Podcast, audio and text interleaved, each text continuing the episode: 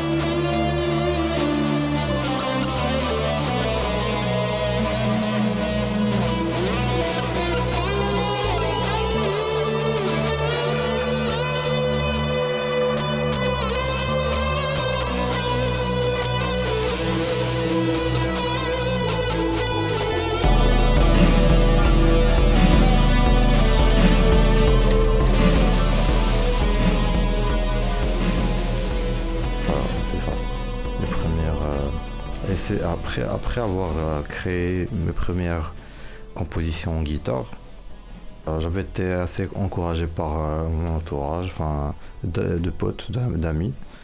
Du coup, j'ai commencé à créer aussi des visuels pour des, artworks pour mes tracks. Et en avançant, j'ai commencé, enfin, j'ai découvert le monde électronique, le monde de la musique électronique. Et c'est là que j'ai commencé à intégrer des sons électroniques mes compositions de guitare. Jusqu'à commencer à ne créer que de l'élec- l'électronique. Et de là, j'avais produit beaucoup, beaucoup de, de musique. Je vais avoir des centaines de tracks. dont j'ai perdu pas mal. Et après quelques années, parce que j'avais fait des études de journalisme, et ces études dans ces études de journalisme, on avait euh, un module de reportage vidéo et de montage. Et euh, ça, ça, m'a permis aussi de commencer à manipuler l'image. Euh, même si avant je manipulais de l'image grâce à Photoshop. Du coup, en, manipulant la, la photo, les images et la vidéo, j'ai commencé à, à m'intéresser à l'art vidéo. Et après mes études en journalisme et des, des, stages et des travaux en production cinématographique et en documentaire, euh, je me suis intéressé à l'animation. L'animation, c'est. Enfin, ça, ça, englobe la musique, le, le film et le, le, visuel, la photo. Du coup, il y a la manipulation de pas mal de médias en une seule euh, production, tu vois. Du coup, ma bipolarité a trouvé, avait trouvé ça, genre sa vocation, tu vois. Et à partir de là, euh, il y a beaucoup de recherches, beaucoup de travaux. J'ai commencé à rechercher une forme où la musique et le, le, son et le visuel, images, vidéos, animation, film, pouvaient se, avoir un crossroad. Et en découvrant un logiciel, qui, un software qui s'appelle Judge Designer, j'ai commencé, qui permet le mapping et la, de, de, la projection. J'ai trouvé une nouvelle voie encore pour pouvoir euh, euh, vraiment créer un art qui soit multimédia et qui peut être multipolaire et interactif en plus. Je pense que faire des créations pluridisciplinaires n'annule pas le, le, la possibilité de pouvoir faire des créations qui soient orientées vers une seule spécialité. Euh, C'est-à-dire, euh, demain, je peux faire juste de la musique, ou après-demain, je peux faire juste euh, une création visuelle, personnellement. Mais je, je, pense que ces nouvelles voies, ça, ça crée quand même de nouvelles pistes de création. Parce que quand même en 2021, euh, il y a une certaine saturation euh, par rapport aux, aux arts enfin, que je vois traditionnels, classiques. Mais bien sûr qu'il y aura toujours, y aura toujours des artistes pour euh, faire des révolutions dans leur spécialité. Mais je pense que c'est comme une mutation en fait, ou une évolution. On peut voir, on peut voir ça soit comme une mutation, une évolution des arts. Parce que depuis toujours, genre, les arts euh, s'harmonisent entre eux. Mais c'est vrai qu'il y avait des profils qui, qui faisaient, par exemple, dans le théâtre, il y a un musicien qui, qui ne va pas être scénariste, qui ne va pas être euh, comédien. Mais je ne pense pas que ça, ouais, que ça dénue euh, l'importance de chaque spécialité. C'est une opportunité pour créer, pour avoir de nouvelles créations plus ori originales. Pour un artiste, euh, l'outil, ni l'outil ni la matière n'est un problème en fait. C'est l'idée, c'est avec son idée créatrice qui va monétiser tout ce qu'il tout ce qu'il tout ce dont il a besoin pour euh, faire naître euh, sa création. Là, quand on voit par exemple les NFT, l'art digital, euh, tous les exemples qu'on voit récemment dans le monde de l'art, par exemple de la vente d'art digital d'un JPEG, d'un JPG, un fichier sur un ordinateur et voir aussi qui, qui se vendent à des milliards de dollars. Il y a aussi de nouvelles formes d'exposition dans des espaces carrément virtuels. Ça va demander aussi aux artistes de d'être à jour avec le monde digital, même si ça, ça, ça ne parle pas à beaucoup de gens, parce que c'est juste peut-être une bulle spéculative. Ou là. Ah, des fois, je, je me sens claustrophobe de ce, ce, cet espace infini qui est, qui est, le virtuel. Mais il n'est vraiment pas infini parce que tu, tu ne peux le traverser qu'en étant assis devant un écran ou sous un casque. Il y a ça. Mais le shift par rapport aux arts, par exemple pour euh, les événements, tout ce qui est événements musicaux par exemple, je ne pense pas que ça va remplacer l'intensité énergétique qu'a un concert par exemple par rapport à un concert virtuel. Il n'y a pas le, la présence d'autres personnes, il n'y a pas l'énergie, tu ne ressens pas l'énergie, genre les vagues que transmettent les musiciens. Parce que c'était loin d'eux et tu reçois ça par euh, bits d'information. Et du coup, c'est comme, un, c'est comme si tu regardais un plat à la place de le manger, en fait, tu pour donner un exemple. Mais, mais en termes de création, ça, ça donne aussi des, de nouvelles possibilités.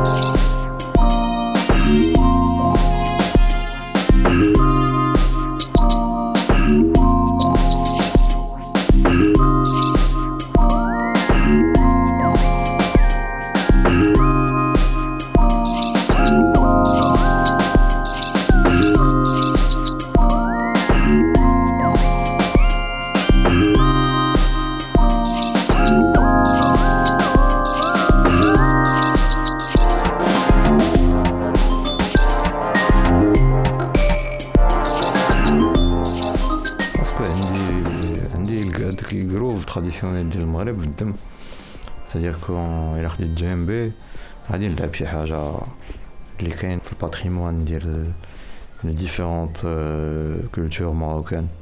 Après, le vécu, c'est vrai que qui m'a la majeure partie des jeunes سميتو همشنا واحد شويه parce que nos parents همشوها parce que parce que le colonialisme parce que le globalisation parce que société de consommation parce que le médias internationaux ماني غالبين بالمكياج اللي كيديروا كاع لي كولتور الاخرين ولا ميم با لي كولتور لي برودوي كولتوريل الاخرين سكي في في العالم كامل حتى اللي مثلا عايش في سي با في لاكورس ولا في في في إيبيريا ولا سميتو كيلقى أن دوك لي ميوزيك ديالو القدام اتس اتس نوت سيكسي ماشي اتس نوت اتس نوت هايبابل اتس نوت دابا كاين نهار و الهايب وسميتو وخصو هادو خصو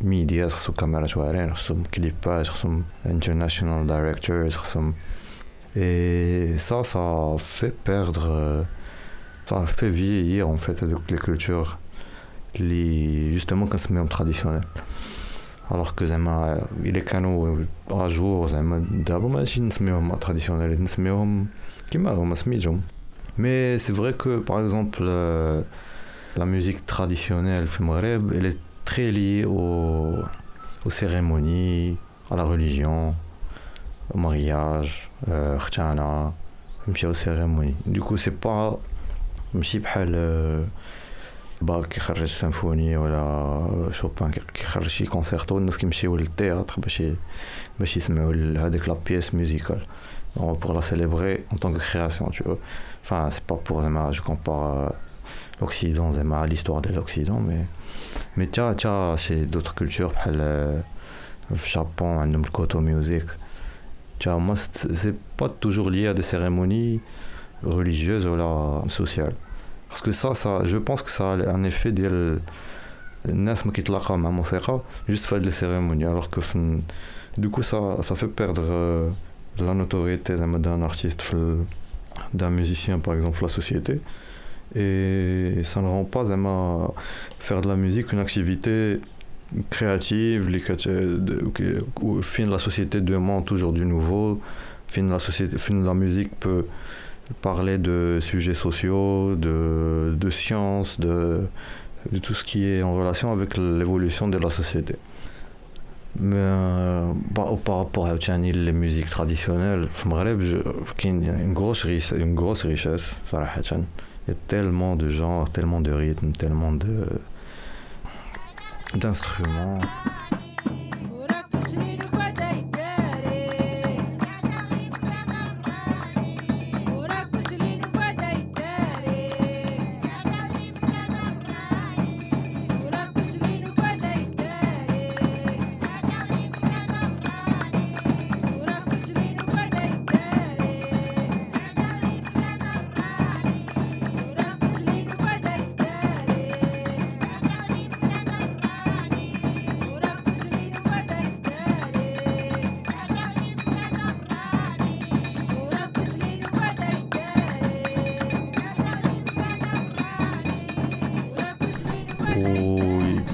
faire avec cet héritage, ce grand héritage Même la digitalisation, enfin la recréation et un renouveau et pour que ça ait une euh, résonance mondiale, tu vois, universelle. Par rapport à ce projet, genre c'est une grande chance euh, un euh, des musiciens traditionnels qui nous ont vraiment fait passer une âme qui une âme enfin plusieurs âmes en fait qui sont très résilientes, tu vois, à cette euh, domination de la société de consommation et de la globalisation. Et ils, nous, ils ont fait passer ce trésor-là. Enfin, c'est une partie du trésor de l'héritage musical et chorégraphique et, même en termes de fashion. Ils ont, enfin, ils nous ont donné la chance de, de voir ça en live et en, en direct. Et c'est à nous maintenant de, genre, de, de faire le renouveau, de faire, euh, et d'essayer de, au maximum de faire une renaissance ou la vraie, une naissance carrément, tu vois, pour que ça ait un poids international. Parce que c'est riche et il y a la matière pour que ça, pour que ça aille très loin, tu vois, dans le monde.